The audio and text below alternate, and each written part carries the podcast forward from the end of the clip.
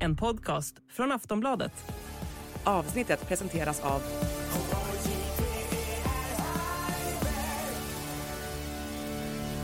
Stödlinjen.se, åldersgräns 18 år.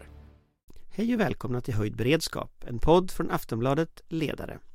Idag om ett år sedan den förnyade ryska invasionen i Ukraina och det krig vi fortfarande ser pågår. Vad ska vi dra för slutsatser av det? Vad kunde vi gjort annorlunda? Och vad kommer att hända nu? Välkomna! Vår beredskap är god. Idag med mig Anders Lindberg, med Johan Viktorin, Amanda Wollstad och Patrik Oksanen här i studion. Alla samtidigt! Välkomna hit! Tackar! Det var inte igår. Det var inte igår och det var heller inte igår som Ryssland invaderade Ukraina för det var ett år sedan på fredag. Eh, vi tänkte prata om det självklart och konsekvenserna av det idag så vi börjar med en liten, en liten genomgång Johan här av, av liksom vad är det vi ser nu egentligen? Vad är det som händer? Alltså på en operativ nivå så upplever man ju inte att det händer så mycket att fronten står still men där framme i stridslinjen så dör det ju folk i ganska stora mängder varje dag. Kriget, markkriget har ju egentligen kört fast med en massa fortifikatoriska, alltså skyttevärn och, och den typen av anordningar som man såg under första världskriget för att få upp en bättre försvar. Och bägge eh, länderna har ju byggt försvarsställningar så att säga. Så att ryssarna anfaller nu och driver på eh, i Donbassområdet utanför Bachmut och lite andra ställen. Eh, och eh, det går sakta framåt. Eh, lite lite lite framgång har de. Eh, men det är frågan om då till vilket pris det sker. Sen finns det ju andra då som vi inte ser.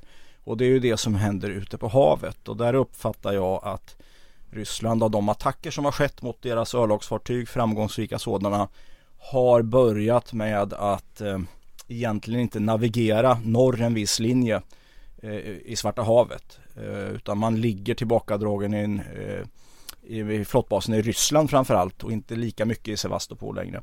Och sen seglar man fram med eh, ytstridsfartyg och ubåtar inför man ska avlossa salver in mot eh, mål på fastlandet i Ukraina. Eh, och det brukar man, där jag har tittat på, göra en tre till sju dagar innan man eh, avlossar de här eh, kryssningsrobotarna från fartygen då mot, eh, mot mål in i Ukraina. Det här är ganska besvärligt. Ja, de kan se att de kommer ut eller får rapporter om detta.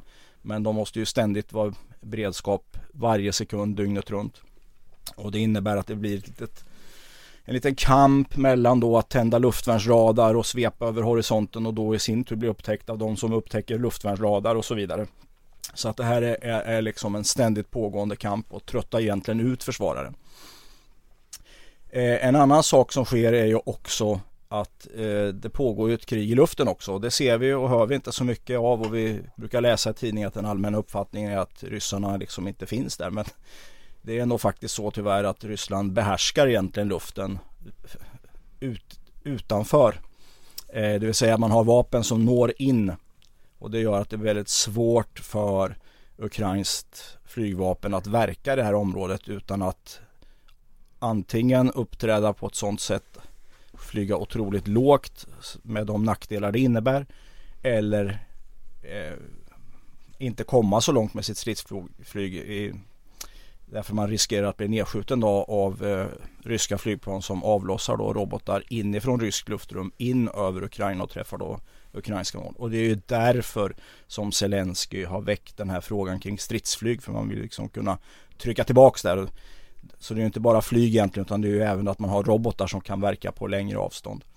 Eh, och samma sak är ju egentligen frågan då med stridsvagnar eh, på marken då för att kunna bryta igenom en sån här försvarslinje som ryssarna då har byggt på många ställen i Donbassområdet. Eh, så att det är väl ungefär läget rent operativt på marken. Sen omsätts ju de här sakerna i strategiska effekter. Och en sak som ju Ryssland har ägnat hela hösten åt är ju att bekämpa ukrainsk infrastruktur. Så att på den strategiska nivån får vi inte glömma bort att Ukraina har tappat åtminstone 30 procent av sin ekonomi eh, under det här året. Medan då Ryssland har tappat 4 procent. Så att det, det är en viktig parameter att eh, ha med sig i det här. Den eh, ukrainska stridsviljan är dock obruten. Det är viktigt att säga. Om, om, man, om man bryter ner det där liksom lite mer det du säger bara innan vi släpper in Patrik här. Alltså eh, om man vill övergå till någon form av mera så manöverkrigföring, flytta på sig, inte sitta fast i en skyttegrav. Vad krävs givet liksom, den militära situationen nu för att liksom, förändra den, den delen? Ja, jag kan ställa frågan väldigt konkret. Hur många stridsvagnar? Alltså vad, vad, vad krävs konkret? Liksom?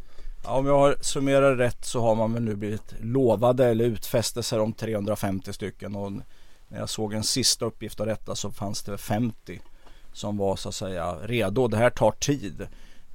Vi lever, gemene man lever i en bild av att stridsvagnar finns överallt, skjuter överallt och så vidare. Men i själva verket så kanske man bara använder en stridsvagn på slagfältet 1-2% av tiden. Övrig tid står den still, den backar om, den maskeras, den rullar och sånt. Utan det man måste göra är att man måste samla en tillräckligt stor mängd av eh, den här typen av enheter som understött av kraftsamling med artilleri också så man drar ihop artillerisystem som kan skjuta mot samma område, samma avsnitt och sen får man den vägen försöka bryta igenom då en sån försvarslinje. Och, och storleksmässigt vad, vad, liksom, vad pratar vi om? Ja, de måste ju samla en närmare en armékår skulle jag säga. Alltså en 50 000 soldater på, på en relativt liten För kraftsamling yta. på en punkt? Ja.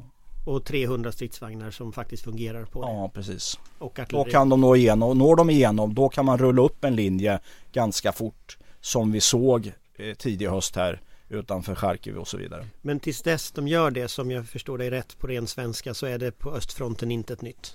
Ja precis exakt så. Patrik? Det här är en nyhetssammanfattning från höjd beredskap med nyheter från denna vecka. Ryssland pausar start 2-avtalet om kärnvapennedrustning. Det beskedet gav Ryska federationens president Putin i ett nästan två timmar långt tal under tisdagen. Start 2-avtalet är det sista förtroendeskapande avtalet där Ryssland ingår som fortfarande fungerat.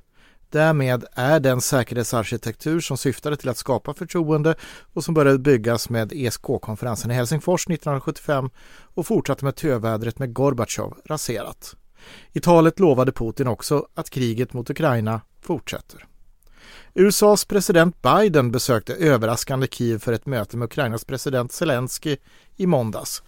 Vid besöket uttalade Biden USAs fortsatta stöd för Ukrainas överlevnadskamp innan han reste vidare till Polen. Så till Sverige och Finlands NATO-anslutningsprocess. Turkiet vill återuppta samtalen om NATO-medlemskap med Sverige. Det sa landets utrikesminister på en pressträff med USAs utrikesminister Antony Blinken som besökte Ankara i veckan. Sveriges utrikesminister Tobias Billström kallade det ett välkommet och bra besked från Turkiet. Tidigare har Turkiet uppgett att man är redo att godkänna Finland men inte Sverige och pausat samtalen efter en rad protester i Sverige. En del bedömare gör gällande att Turkiet i förhandlingar med USA vill köpa F16-plan innan man är redo att godkänna Sverige. Några pekar på att den omfattande jordbävningskatastrofen och eller det turkiska valet kan vara påverkansfaktorer. I en rapport som släpptes av Fri Värld i förra veckan pekar Turkietkännaren Halil Karavelli att USA och Turkiet måste lösa sina meningsskiljaktigheter och skapa ny ömsesidig förståelse innan Sverige blir medlem av Nato. Och från Ungern kommer uppgifter om att det ungerska parlamentet till sist sägs vara redo att ta upp ratificeringsfrågan. Men de uppgifterna är ännu inte officiellt bekräftade. Det är Ungern och Turkiet som återstår att ratificera Sverige och Finlands NATO-ansökan av Natos 30 medlemsländer. Samtidigt förbereder både Finland och Sverige sin slutbehandling av medlemskapsprocessen. I Finland kommer behandlingen att ske i riksdagen före riksdagsvalet 2 april oavsett om Turkiet och Ungern har hunnit ratificera Finlands medlemskap trots tidigare besked om att, för att citera talmannen Matti Vanhanen, riksdagen inte godkänner lagar för att låta dem vänta i en skrivbordslåda. Slutcitat. Efter riksdagens ratificering ska republikens president godkänna ansökan. I Sverige kommer regeringen att överlämna sin NATO-proposition till riksdagen i mars. Vi byter ämne. I Moldavien pågår större proryska demonstrationer efter att Moldaviens regering och Ukraina varnat för statskupp initierat av Ryssland. Moldavien har på grund av uppgifterna stängt sitt luftrum. I Sverige kommer rapporter om en rad större cyberangrepp som Ryssland misstänks ligga bakom. En grupp som kallar sig för Anonymous Sudan har tagit på sig ansvaret och den gruppen är enligt cyberexperter en rysk hackergrupp som i sin tur kan länkas till åtminstone haft samröre med den ryska underrättelsetjänsten eh, GRUs hackergrupper. Samtidigt har MUST, den militära underrättelse och säkerhetstjänsten, presenterat sin årsrapport. Det konstateras att riskerna för svensk säkerhet har ökat och det säkerhetspolitiska läget i Europa och Sveriges närområde är det allvarligaste sedan åtminstone 1980-talets början. Citat vi har idag ett bestående tillstånd av konflikt och konfrontation mellan Ryssland och väst som riskerar att förvärras ytterligare. Och Kinas toppdiplomat Wang Yi reste från säkerhetskonferensen i München vidare till Moskva för möten. Resan anses bana vägen för att Kinas ledare Xi Jinping senare i vår ska besöka Moskva. I samband med besöket kallade Wang Yi den rysk-kinesiska relationen för bergfast. Och nu tillbaka till Anders Lindberg i studion. Tack Patrik. Den där Anonymous Sudan tycker jag är lite roliga för de, de kommunicerade väl med varandra på ryska från början och så, så påpekade de att det gjorde man inte i Sudan och så blev det jättedålig stämning på nätet och så. så att de, det, det, det är roligt att liksom ryssarna döper sig till Anonymous Sudan och är upprörda över koranbränningar i Stockholm. Det är liksom plötsligt hela varvet runt tillbaka till ja, andra diskussioner vi har haft om koranbränningar och andra partier och personer som ägnat sig åt detta. Men om man i alla fall går till, eh, tillbaka till liksom säkerhetspolitiken som, som en helhet. Eh, Amanda, hur ska vi tolka läget som, som vi ser nu?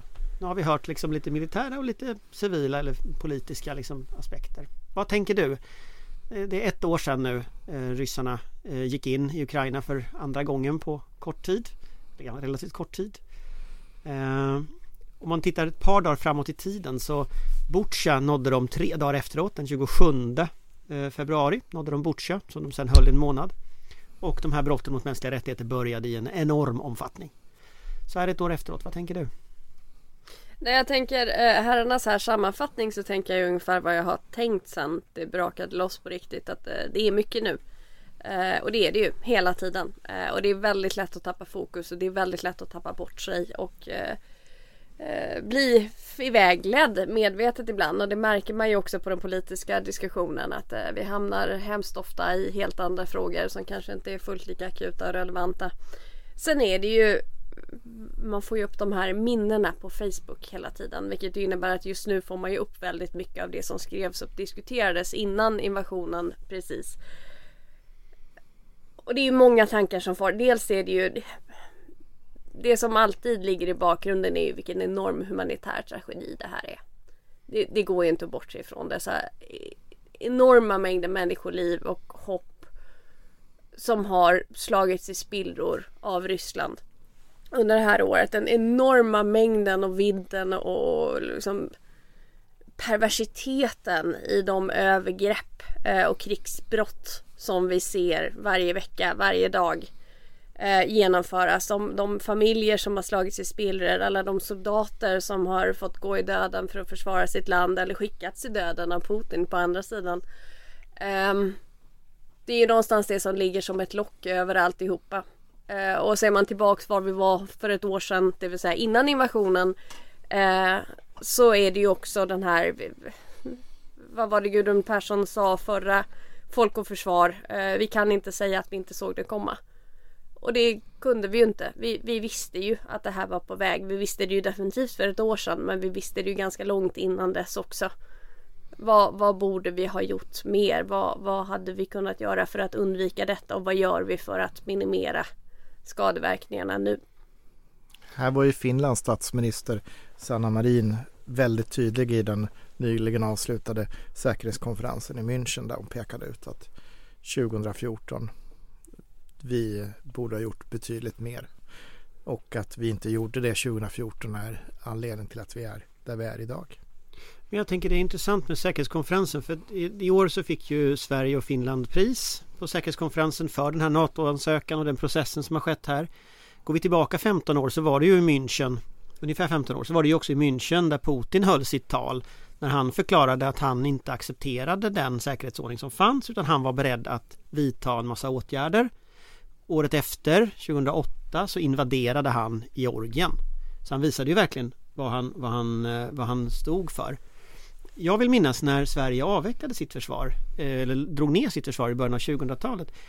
Då hade vi, då hade vi ju de här lackmustesten när vi skulle se vad, när skulle vi börja ändra oss? De här olika röda linjerna som Ryssland inte skulle överträda. En av de röda linjerna var ju just det han gjorde i Georgien 2008. Och nu sitter vi här liksom 15 år efteråt eh, och tittar tillbaka.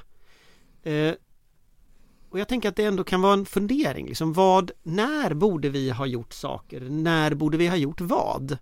För att inte hamna här. Sanna Marin pekar ju på 2014. Personligen så skulle jag gärna peka ännu längre tillbaka i tiden. Att när de här röda linjerna vi hade definierat överträddes, då borde vi agerat. Det gjorde vi inte. Och Georgien var ju den, någonstans den ultimata röda linjen därför att när Ryssland visade den typen av aggression mot ett grannland då skulle den svenska nedrustningen avstanna och återuppbyggnaden påbörjas. Det var ju så det var skrivet ja, i försvarsberedningen. Precis. Det här var ju explicit försvarsberedningens tankevärld. Och så. Eh, det kom väl en försvarsberedning då 2008 som i princip överhuvudtaget inte nämnde Georgien så att det var ju där borde ju Sverige ha reagerat. Och 2009 så kom den här insatsorganisationen 2009 när vi skulle försvara Sverige i Afghanistan istället. Så det var ju imponerande så. Men om ni ska liksom reflektera nu de här 15 åren tillbaka tänker jag liksom. När borde man ha gjort vad? Ska vi börja med Johan, du som Som har skrivit om detta när det ja, begav sig gånger. att man borde göra det. eh, nej men vad heter det 2011 skulle jag säga är den sista tidpunkten. Därför då lägger man sitt stora upprustningsprogram. Det är då Ryssland man måste, lägger det. Ja Ryssland mm. precis. Det är, då man, det är då man måste ställa sig frågan och vad ska de med alla de här vapnen till? egentligen. Man liksom plöjer inte ner de här enorma summorna utan att man har en avsikt bakom detta. Avsikter är ju ofta väldigt svårt att få tag i. Eh, men det här är ju konkreta förmågor som man bygger upp eh, och tittar på lång sikt. Det och sen i kombination med det lackmustestet som var tydligast och det var ju CFE-avtalet. Alltså avtalet om konventionella styrkor i Europa. Där stod det ju att det var det var lackmustestet, det var hörnstenen i den europeiska säkerhetsordningen. Och den sparkade ryssarna undan och vi gjorde inte ett skvatt. Och det tror jag beror på att vi är A. Okunniga men framförallt är vi väldigt arroganta. I den meningen att vi und, liksom, vi har liksom fortfarande inte fått ett grepp på Ryssland. Tittar man vad som sägs i nyheterna och vad som står i tidningarna så är det ungefär samma bild som vanligt kring Ryssland och Putin. Utan när, när debatten om det här fördes någonstans i perioden 2008 till 2014 och efter det också. Då var ju ett motargument, ja ja ja, men Ryssland har ju bara en, en, en BNP i höjd med Italiens. Och då säger jag så här, ryssarna är fortfarande under ett stort anfallskrig i Ukraina ett år senare. Om det nu vore så, varför har vi inte sparkat ut dem då? Om de bara hade Italiens BNP. Det vore ju inte något, utan grejen är att vi, vi har fortfarande inte förstått att Ryssland, fast Putin säger bedriver ett krig mot väst. Patrik? Ja, men du har ju en lång, lång rad händelser där man kan säga vi borde ha fattat mer och gjort mer. Ehm, och, och tyvärr så är det väl först för ett år sedan jag tycker att det svenska systemet tog till sig allvaret. Ehm, med den överenskommelse som kom i försvarsutskottet med en gemensam ambition att nå 2 procent. Eh, och, och mer tillskott. Alltså det, det, är fram till det ögonblicket som det är en rad misslyckanden i att förstå det här och agera. Sen kan vi dra tillbaka det, vill man dra tillbaka det riktigt långt så kan man ju se det som att eh, kort efter att Putin tillträdde som president så, så har du ju det här med eh, hans informationsstrategier, reaktionen på, på haveriet av ubåten Kursk då, det, då han inser, eller då börjar sjösätta, ta kontrollen över medierna. Det borde ha varit en varningssignal. En annan varningssignal är ju andra Tjetjenienkriget. Eh, sen kan vi säga att ja, man borde ha reagerat vid Münchenkonferensen 2007. Inte förglömma heller cyberkriget mot Estland 2007 och bronsstatykrisen. Eh, det är liksom det första riktiga cyberkriget och det första som vi i alla fall kan se storskaligt hybridangrepp mot ett annat land i, i modern tid. Eh, så det finns så många sådana punkter och då får vi gå tillbaka till varför misslyckades vi då? Och då är det delvis som Johan säger det här med arrogans men sen är det den här kortsiktiga politiska horisonten. både blåa och röda laget har tyckt att det har funnits viktigare saker att lägga pengarna på därför att det finns ett val att vinna. Ett val att vinna som ligger mycket närmare än en hypotetisk konflikt. Eh, och då har man använt de pengarna till saker och ting som man har tyckt varit mer behjärtansvärda här och nu eh, för allmänheten. Om man vill vara en snäll tolkning, vill man vara en cynisk tolkning så kan man säga då att ja, eh, det var ingenting som man vann val på då. Då gjorde man det inte. Och nu noterar jag i Aftonbladet, Lena Melin skrev ju det med anledning av er undersökning med Demoskop, så är försvarsfrågorna uppe på sjunde plats i väljarnas prioritering. Eh, och ligger före invandring. Mm. Om man tittar politiskt, Amanda, inrikespolitiskt eh, och du blickar tillbaka på de här åren. Eh, varför blev det så? Vi har ju någon sån groupthink i Sverige. Alla ska tänka samma åt samma håll liksom. Eh, Patrik nämnde ju något av det och det ligger väldigt mycket i det. Vi har tidvis kanske haft eh, vettiga försvarspolitiker. Vi har aldrig haft en regering där eh, finansministern har förstått behovet av försvaret. Och det är det någonstans det kokar ner till. Man har aldrig velat lägga de pengarna av opportuna skäl, av ekonomiska skäl, av valskäl. Det har tjatats till förbannelse om att man inte vinner några val på försvarspolitik. Vilket naturligtvis är sannolikt riktigt, eh, i alla fall historiskt. Men samtidigt så kan man ju tycka att våra politiker borde ha, ta lite större ansvar för riket och inte bara för sina nästa val. Um, det har funnits en oerhörd naivitet och bristande förståelse för Ryssland framför allt. Eh, man har inte velat föreställa sig, det, det, har, de här 200 åren av fred och frihet har på något sätt gått oss åt huvudet. Det är väldigt många som, som väldigt länge levde i föreställningen att Sverige kan inte drabbas. Vi är lite för bra, lite för goda. Vi är ju ute och fredsmäklar runt om i världen. Det är ju ingen som kan vilja oss någonting ont. Vi har också ansetts oss vara ganska exceptionalistiska och därmed inte drabbade av vad som sker i övriga Europa, till exempel Baltikum och så vidare, det har ansetts vara väldigt långt borta och inte vårt problem. Detta har ju varit genomgående både röda och blå regeringar. Eh, man har inte alls, som Johan nämnde det här med, med liksom när man började bygga upp den ryska krigsapparaten på riktigt. Eh, det är svårt att gissa intentioner men intentioner kan ju också ändras på väldigt kort tid. Eh, man har inte förmått förstå det i den svenska politiska kontexten. Vi hade ju en var det försvarsberedningens ordförande i eh, dåvarande regeringen, eh, under dåvarande regeringen Reinfeldt som tjatade om att Ryssland rustar från en låg nivå. Vilket också visar en bristande förståelse för det ryska samhället och hur mycket man är villig att eh, ge upp och stå ut för nationen, för framgångarna på slagfältet, för att kunna rysta militären. Att man har en helt annan eh, vilja till uppoffring än... I Sverige hade det naturligtvis inte gått att skära ner hur mycket som helst på sjukvård och utbildning och, och socialbidrag för att rusta militären. Medan acceptansen för det i ett samhälle som Ryssland är mycket, mycket större. Och det har inte vi förmått förstå. Och vi har inte heller förmått förstå att vi måste vara beredda på att någonting händer därför att det tar 10-15 år att rusta upp. Eh, och då kan vi inte börja när intentionen i Ryssland blir tydlig. Då måste vi redan ha den kapaciteten.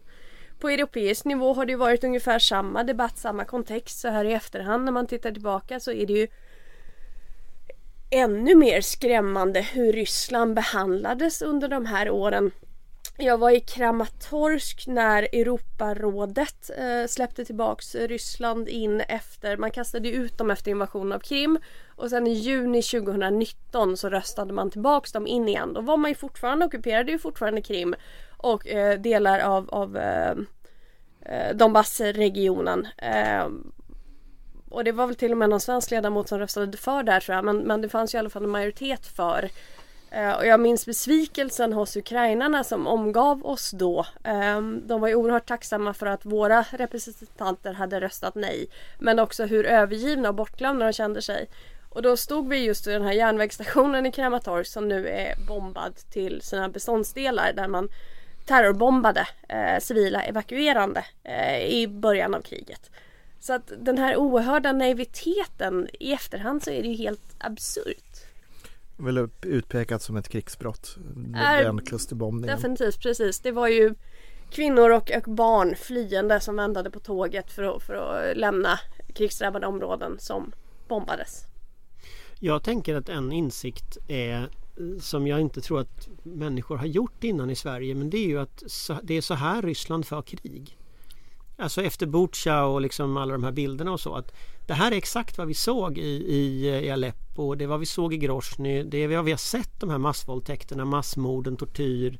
Alltså det är så Ryssland för krig. Det är så den krigsmakten fungerar. Skulle de invadera Finland till exempel så är det så de skulle fungera i Finland.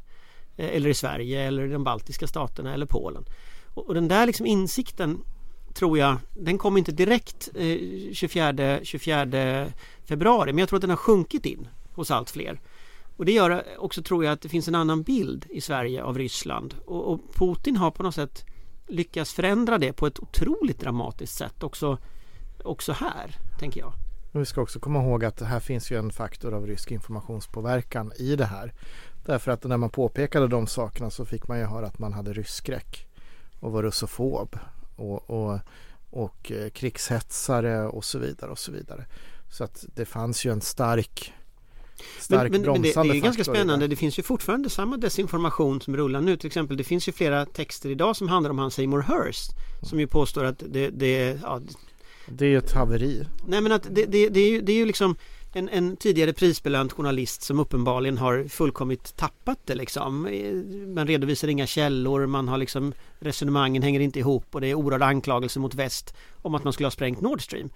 Eh, och senast idag såg jag väl någonting om att det här skulle Norge känt till och så vidare. Så att, och det blir liksom bara knäppare och knäppare och knäppare hur man tittar på det. Men så att den här förmågan till desinformation och så här, nyttiga idioter i väst, den finns ju kvar. Vi har ju också sett attackerna mot rikshemvärnschefen efter intervjun där hon ju har anklagats för just russofobi efter att ha citerat sin, vad var det, mormor, farmor som levde i Finland under kriget. Ja, och nu törs jag inte säga Mikael Damberg ska jag säga eh, har faktiskt haft samma citat och I fick DN, motsvarande anklagelser. Så, så det, det, där är inget nytt. Men, men jag tänker att om någon säger att det är russofobi då är det ett väldigt bra varningssignal att det där har varit, det där, den där retoriken den, den existerar liksom inte utanför en viss specifik kontext. Eh, och, och anklagar någon någonting för det, då ska man vara väldigt försiktig. Även om man är så grundmurad antirasist så ska man vara väldigt medveten om att den typen av retorik är inte en, en eh, så säga, den, den, kommer någonstans ifrån och det är i regel Ryssland eller närstående intressen Ryssland. Eh, därför att det finns naturligtvis ingen så säga, russofobi i den meningen som det finns antisemitism eller islamofobi utan här är en supermakt som är imperialistisk som försöker ta på sig offerkofta. Det är det som det här handlar om, ingenting annat. Man pratar inte om motsvarande terminologi när det gäller något annat land heller. Nej, nej, utan det här är en ryskt påhitt från Kreml. Det, det är inget det, men, Vi pratar ju aldrig om Amerikafobin. Nej, men man ska inte gå på det. Nej, nej, jag, man försöker skämta, jag försöker så, skämta så det, här. Ja, jag, jag tänker att det är en lite viktig del. Men jag tänker en annan sak som jag funderar på i detta. Eh, alltså, och det är den svenska självbilden hur den har förändrats. För att jag tänker att vi var ett väldigt exceptionellt land. Vi var en humanitär stormakt. Nu ser det ut som att Finland får gå med i NATO före oss och vi är liksom stryk vi är slagpåse för alla möjliga intressen just nu. Jag tänker att det är en ganska stor förändring. Ehm, jag tänker att det, det finns liksom en, bild av Sverige som förändras väldigt dramatiskt i den här processen, också för oss i, i Sverige. Vad tänker ni om det?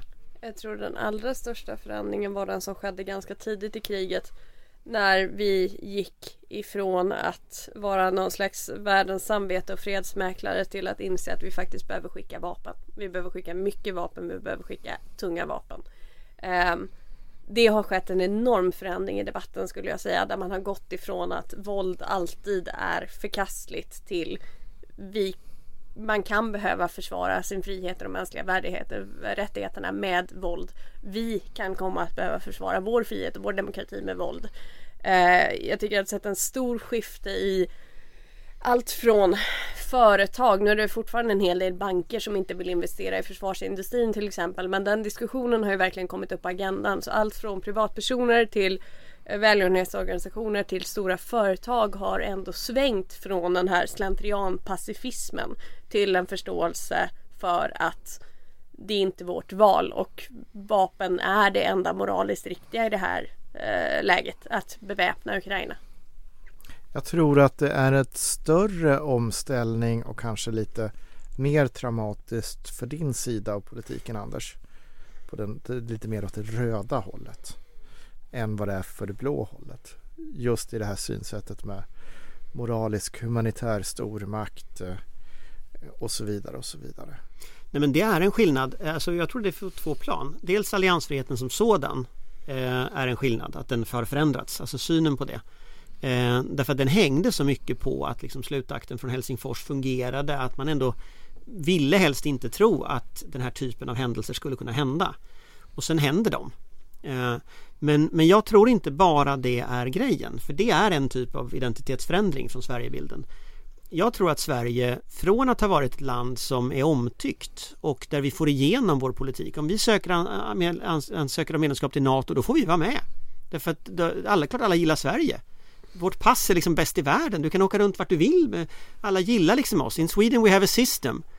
Och sen säger Turkiet nej.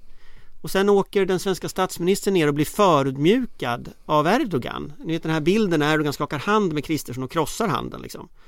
Eh, Tobias Billström gör bort sig på turkisk tv och det blir en stor debatt här. Alltså det ser ut som misstag efter misstag efter misstag. Det blir plågsamt att se liksom. Man vill helst inte höra något mer om de här förändringarna. Och sen så ska någon idiot bränna Koranen med polisskydd framför den turkiska ambassaden mitt i detta. Alltså jag tror att bilden av ett kompetent, kompetent handläggning av någonting den får sig en ganska smäll av det här. Så jag tror inte bara det är alliansfriheten som är identitet. Jag tror att det är det är mycket bredare det här faktiskt. Ja, du, du har ju en, en aspekt där i att synen på att vi är effektiva och rationella. Och omtyckta tror jag. Omtyckta så. Eh, men så det, det är ju för sig en förändring. Men jag tror att den är djupare på, på den, på den uh, rödare sidan.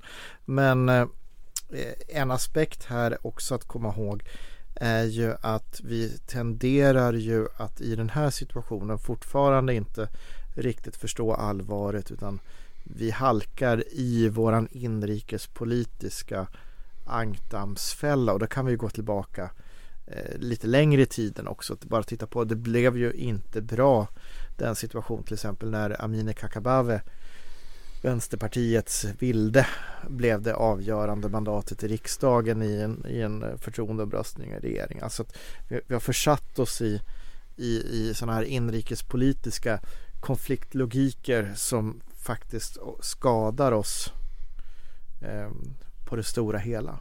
Nej men absolut, alltså misstroendevoteringen mot Morgan Johansson var väl förmodligen det som lite havererade processen då. Men jag tror den här koranbränningen havererar processen nu och som jag kan tänka mig, som jag är orolig för, det är att det kommer att komma något nytt sånt klanteri eh, om ett tag igen, lagom när det ser ut att gå bra. Då kommer någon ny sån här frifräsare och får någon, någon idé. Vad det, vad det är vet jag inte, men någonting. Johan?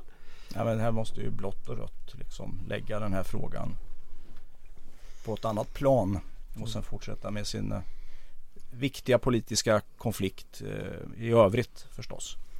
Ehm, men eh, det är rätt så bekymmersamt tycker jag ändå för att omvärldens bild håller på att förändra sig av Sverige. Vi får inte glömma bort alla den här What happened in Sweden och bilden av Sverige som ett land på dekis och destabiliserat och ingen ordning och, och så vidare. Så här. Det är ju både politiskt farligt och även ekonomiskt farligt. Det gör ju att man inte blir lika investeringsbenägen i det här landet och så vidare. Och det finns ju en sån dimension i det här med att Finland eventuellt då kommer med före men inte Sverige. Eh, så att det här är det här måste man ta krafttag emot och det kan man bara göra om man då moderater och socialdemokrater är överens om att ta tag i den här frågan tillsammans. Risken är väl att man är så arga på varandra nu att man inte vill. Fast om två släkter fejdas så får det ju finnas några som liksom säger att nu får vi lägga de här småträtorna eh, liksom vid sidan om i sammanhanget småträtor. Shakespeare vet ju hur det slutade annars med Romeo och Julia. Ingen liknelse för övrigt mellan Ulf Kristersson och Magdalena Det där var det konstigaste. Ja, det var det nog det konstigaste jag sagt. I klipp, klipp, klipp. nej, nej, absolut inte. Tvärtom. Amanda vill ha ordet. Uh, nej, men det, det, det, är ju precis samma sak igen som det här att man drog ner på försvaret och inte investerade på försvar, i försvaret när man borde. Eh, och det har ju liksom vem som nu haft regeringsmakten har ju duckat det här ansvaret och det är precis samma sak. Man vill inte lägga det inrikespolitiska käbblet åt sidan för att faktiskt ta ansvar för rikets säkerhet. Och det är ju en oerhörd svaghet. Eh, både hos politikerna och egentligen hos hela systemet. Därför att är det någon form...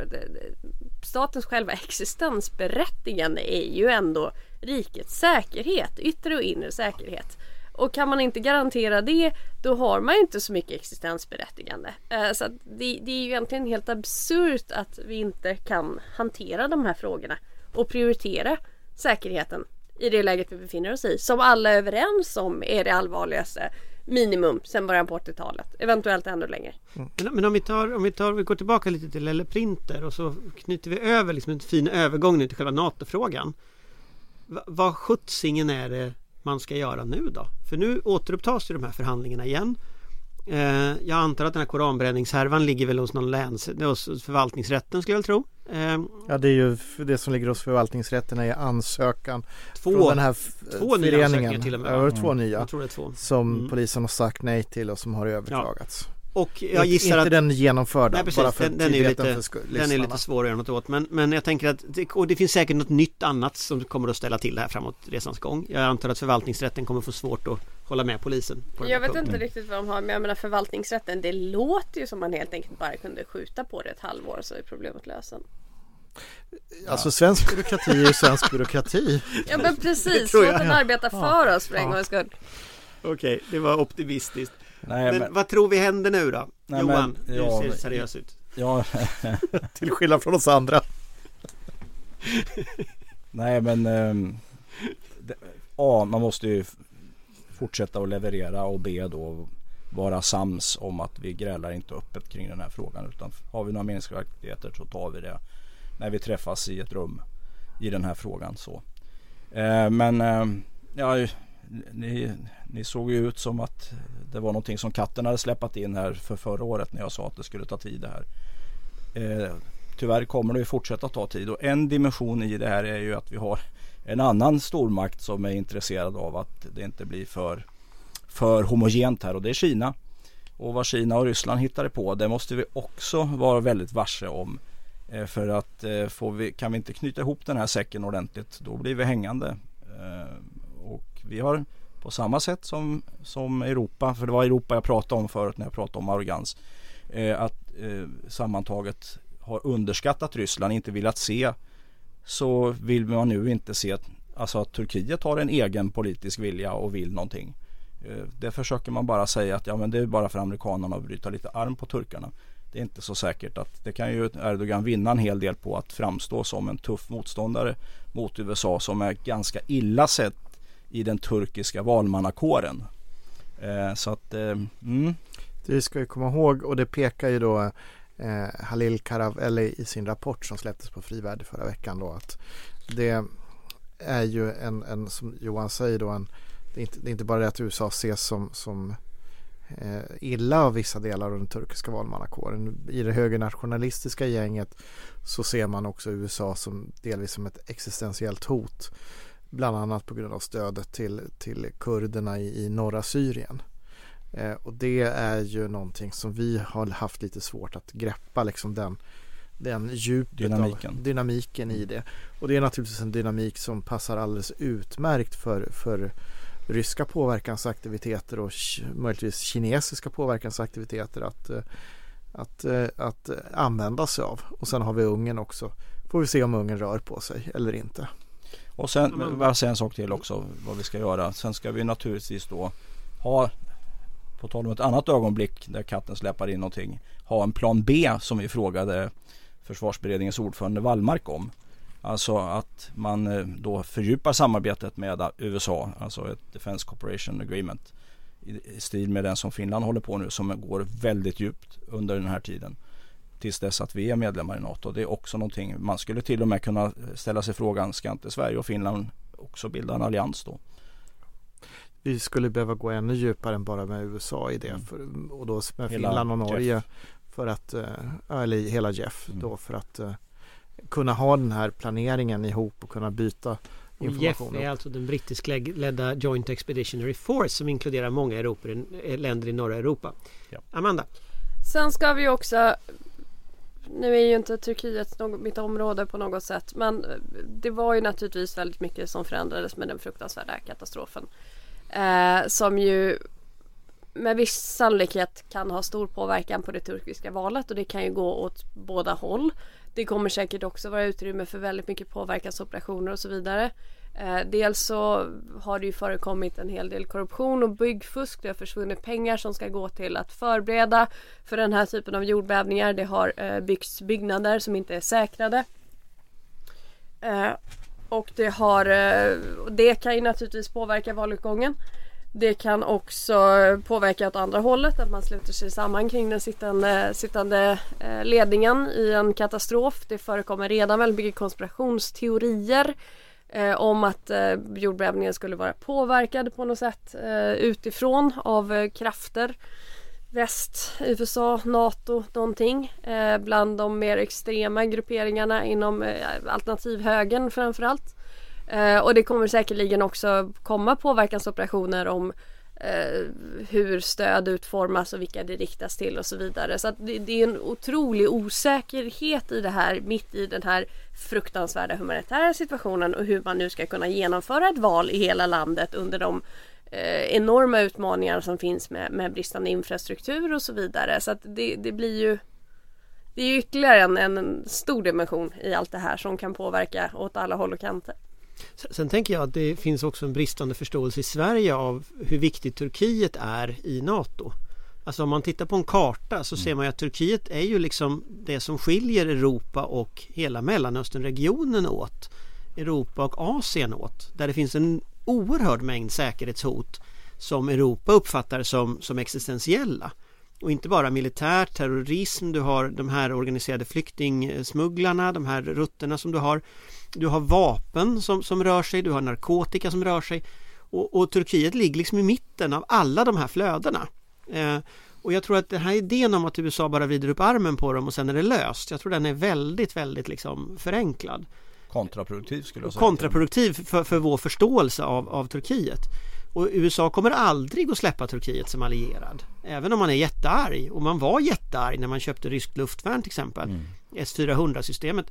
Som ju är ett direkt hot mot amerikanska vapensystem. Lik förbaskat så fortsätter man samarbetet. Så att jag tror att liksom det, det, man underskattar liksom den, den aktören, den Turkiet som aktör här också helt, helt, helt otroligt mycket. Detta är ju också en dimension i NATO om vi nu tittar tillbaks på liksom hur det var innan kriget.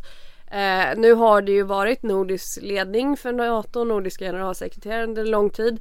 Den senaste tiden har det ju naturligtvis varit väldigt mycket fokus på NATOs nordöstra flank. Men det finns ju också en sydlig flank. Det finns ju också ett antal medlemmar, Spanien, Portugal till exempel, som kanske inte är lika brydda av vad som händer uppe hos oss utan som ser det som ett betydligt större problem just med de säkerhetshoten du pratar om eh, från Mellanöstern och i Medelhavet. Och det skiftet kan ju också komma. Eh, de kommer ju inte vara bortglömda hur länge som helst och om det sker någonting på den flanken så kommer ju också NATOs intresse behöva delas upp och så vidare vidare. Så att eh, Turkiet är en oerhört viktig aktör. Men, men Johan brukar ju fråga er då och då med jämna mellanrum och gissa när vi kommer med. Johan brukar gissa på 2024. Eh, vi andra har gissat på lite olika saker genom perioden här. Jag brukar gissa på Vilnius till sommaren. Eh, NATO-toppmötet där. Eh, vad, vad, skulle vi säga idag? Nu, nu har det gått ett år sedan kriget började. Vi, förhandlingarna är ändå återupptagna igen med Turkiet. Eh, Finland och Sverige tar de lagar som behövs nu snart. Vad tror ni nu? Johan får inte svara så vi börjar med Patrik. Hur långt är ett snöre? Eh, det, det, är inte ett svar utan det är en fråga. Ja, det är väl, det är väl eh, ett jättetråkigt svar av mig men, men jag skulle säga så här att nu är det så mycket som rör sig fram och tillbaka i, i det här. Så att jag, jag törs inte säga någonting. Det kan, det kan gå till Vilnius, det kan lika gärna dra ut på tiden och då kan det dra ut väldigt mycket på tiden i värsta fall. Um, När säger du att vi behöver en plan B? Jag säger så här att är vi inte medlemmar i Vilnius toppmötet i juli eh, då behöver vi skyndsamt eh, eh ja, skriva på en rad olika fördrag för att visa också Turkiet att vi, vi, det, det gisslantagande som görs av Sverige har en väldigt liten reell effekt. Men du tänker fördrag typ Japans relation med USA? Japans relation med USA, eh, eh, ömsesidigt eh, försvarsförbund, Sverige, Finland, Norge eller Jeff inom den ramen. Konstaterar att det Man finns olika kreativ vägar. helt enkelt. Skriv Va- vad sa allt. du? Man får vara kreativ helt Ja, enkelt. man får vara kreativ och, och, och göra det man kan göra utan att här liksom säga att det här måste vara den enda lösningen. Det finns flera olika lösningar de kan ligga vid sida vid sida. Eh, för att liksom då plocka bort. Det kan vara också ett, ett väldigt, väldigt fördjupat avtal med NATO men det kommer väl Turkiet att stoppa då. Så att jag tror att man måste gå den bilaterala vägen. Mm. Amanda? Nej men det låter väl som en rimlig Jag tror ju fortfarande att det kan lossna och gå fortare. Men det är så oerhört många parametrar just nu så att jag säger definitivt inte att Det kommer göra det eller att ens att det är troligt. Jag hoppas ju fortfarande att det ska ske under året men Det är ju bättre att börja arbeta med plan B-varianter Innan man behöver dem. Johan? Ja nej jag ligger ju kvar på 2024 då förstås. Så. Eh, sen är det ju precis som Amanda säger om den här otroligt tragiska jordbävningen som motsvarar typ en kärnvapenexplosion av Hiroshimas storlek. Som har skett att det kan påverka saker och ting. Och sen får man ju också göra skillnad på Turkiet och Erdogan. Det är inte riktigt samma sak. Så att eh, vi får se var det, var, var det går någonstans. Men jag är nog fortfarande försiktig. Jag tror att eh, det finns en vilja och då, återigen då det är, vad är det som händer i Ukraina där vi nu startar då? Därför att det, det är det som ger eh, Erdogan hävstången att fortsätta det här motståndet. Skulle Ryssland då, vilket vi alla hävdar, ska besegras militärt i Ukraina och drivas ut. Om det skulle bli ett faktum, då kommer också Turkiet välkomna in Sverige. Det är jag helt övertygad om, ganska snabbt. Ja, det finns ju en opportunistisk eh, eller krass realpolitisk eh, syn. Men om man, om man tar ett case som finns för Vilnius eh, NATO-toppmötet i Vilnius är ju i mitten av juli och det är ju då en månad efter det turk, min, lite mindre än en månad efter det turkiska valet. Men, men konsekvenserna för NATO om man där tar med Finland men inte låter Sverige komma med.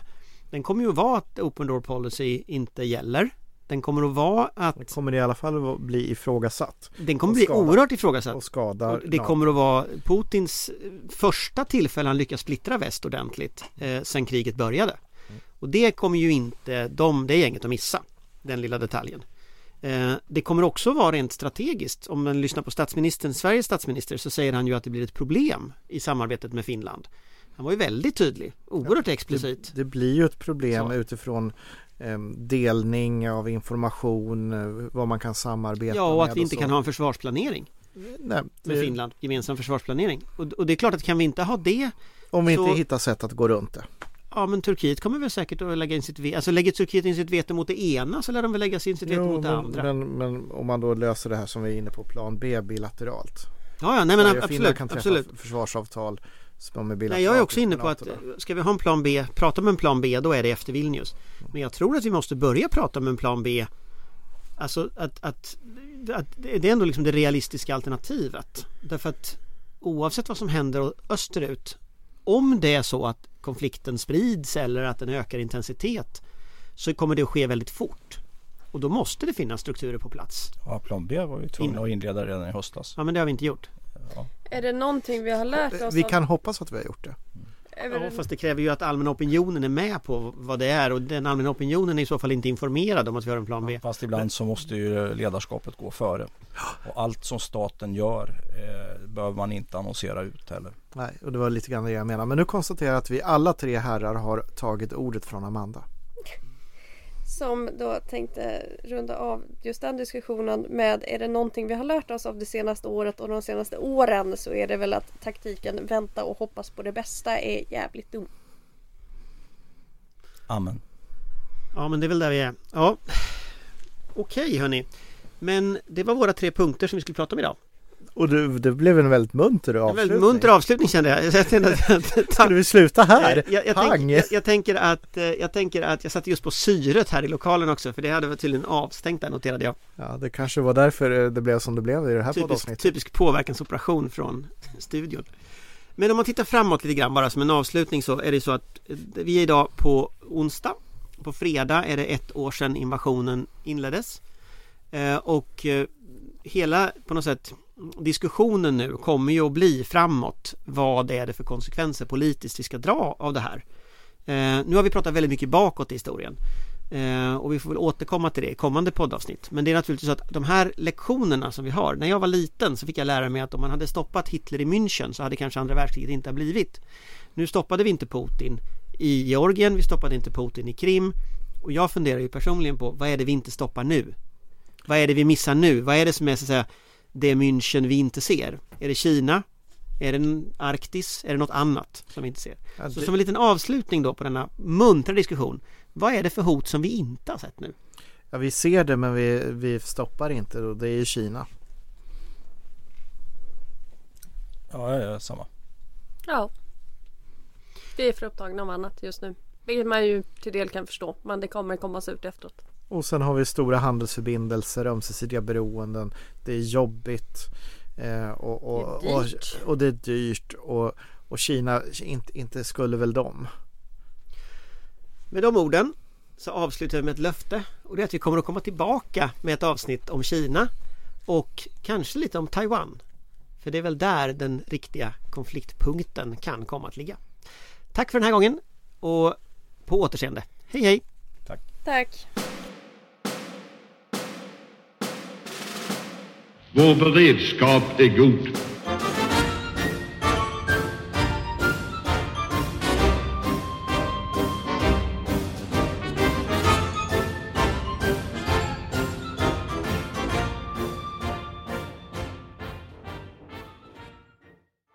Du har lyssnat på en podcast från Aftonbladet. Ansvarig utgivare är Lena K Samuelsson.